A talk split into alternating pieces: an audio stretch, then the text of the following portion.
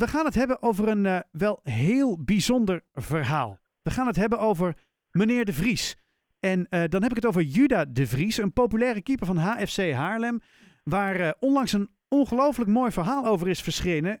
opgetekend door journalist Edwin Struis. En ja, die heb ik aan de telefoon. Edwin, goedenavond. Ja, goedenavond. Hallo. Goedenavond. Zou je even kunnen vertellen, wie is Juda De Vries?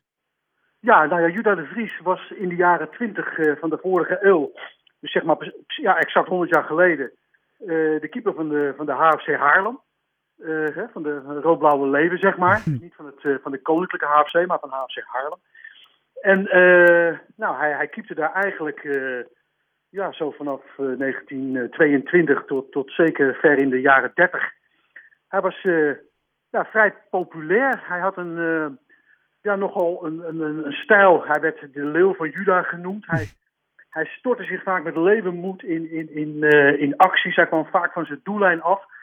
Ja, zulke keepers waren eigenlijk in die tijd nog heel, uh, helemaal, niet, uh, helemaal niet gezien of bekend. dus hij had een eigen stijl. En, en, en, en, een, en, een, en een konijntje had hij ook, hè? Ja, ja dat was zijn vaste mascotte. Ja. Zonder konijn werd er dus gewoon niet gevoetbald ook. Hè? Want hij had hem een keer in de trein laten liggen. Na een uitwedstrijd. En uh, toen, moest eerst die trein, uh, toen moest eerst die mascotte weer uit die, trein, uit die trein worden gepist. Want anders uh, zou die wedstrijd gewoon niet doorgaan. Dus ja, hij hechtte daar heel veel waarde aan, Juda de Vries. Ja. ja. Maar nu, ja, Juda de Vries, het, is, het, het, het was een Joodse man? Ja, hij, hij was, nou ja, je kon van het voetbal niet leven. Nee. Toen, hij was ook kleermaker. Hij had een atelier op de, op de Zeilweg in Haarlem. Uh, daar kwamen ook heel veel Haarlem supporters even een praatje maken. Niet eens met, uh, met kleren om uh, te laten maken of, of te verstikken. Maar ja, die, die, wilde even een glimp opvangen van, van de beroemde Juda de Vries. Hmm. En toen hij ging, ging trouwen in, in 1938, ja, toen, toen werd het breed uitgemeten op de voorpagina van, van Haarlems Dagblad. Dus hij was wel, ja, eigenlijk wel een. Het was wel iemand. Ja, en toen hij trouwde, ja, het zag zwart van de mensen op, op, de grote markt voor het stadhuis. Dus ja, uh, ja toen uh, ging alles nog, uh, nog redelijk goed. Ja, ja. Dat, dat zeg je wel goed. Toen ging alles nog goed, maar toen kwam de oorlog. ja, en toen kwam de oorlog en werd natuurlijk alles anders. En goed, hij was, ja, hij was inderdaad Joods. Ehm, dus er kwamen steeds grotere maatregelen, eigenlijk anti-Joodse maatregelen werden getroffen. En uh, hij had een, uh, een klein zoontje, Albert, ja, die, uh, die werd aan, aan boeren weggegeven in, in Vijfhuizen. De, hè, daar ging hij onder, onderduiken op een boerderij. En zelf nam hij zijn toevlucht tot een onderduikadres op het Wilsonsplein, zeg maar tegenover de Schouwburg. Mm -hmm. Alleen ja, toen werd zijn bekendheid, ja, ging, ging toch tegen hem werken. Want ja, op een dag werd hij toch verraden. Ja. Uh, door Nederlandse agenten werd hij opgepakt en op transport gezet uh, naar, naar Westerbork. Het, nou ja, zeg maar het doorvoerkamp. ja. Voor, van, hè, waar, waar, nou ja, waar Joodse mensen werden, werden opgesloten. daar hadden ze ook nog wel voetbalcompetities. Hij heeft nog een hele, ja, zeker met terugwerkende kracht, schrijnende brief aan zijn, aan zijn vrouw geschreven van stuur mijn voetbalplunje nog even na. Want uh, ze hebben ook een soort competitie en dan kan ik me even verliezen in het voetbal. Ja. En dat helpt me er wel boven, uh, bovenop. En, en dan hoef ik niet zo aan het werken te denken.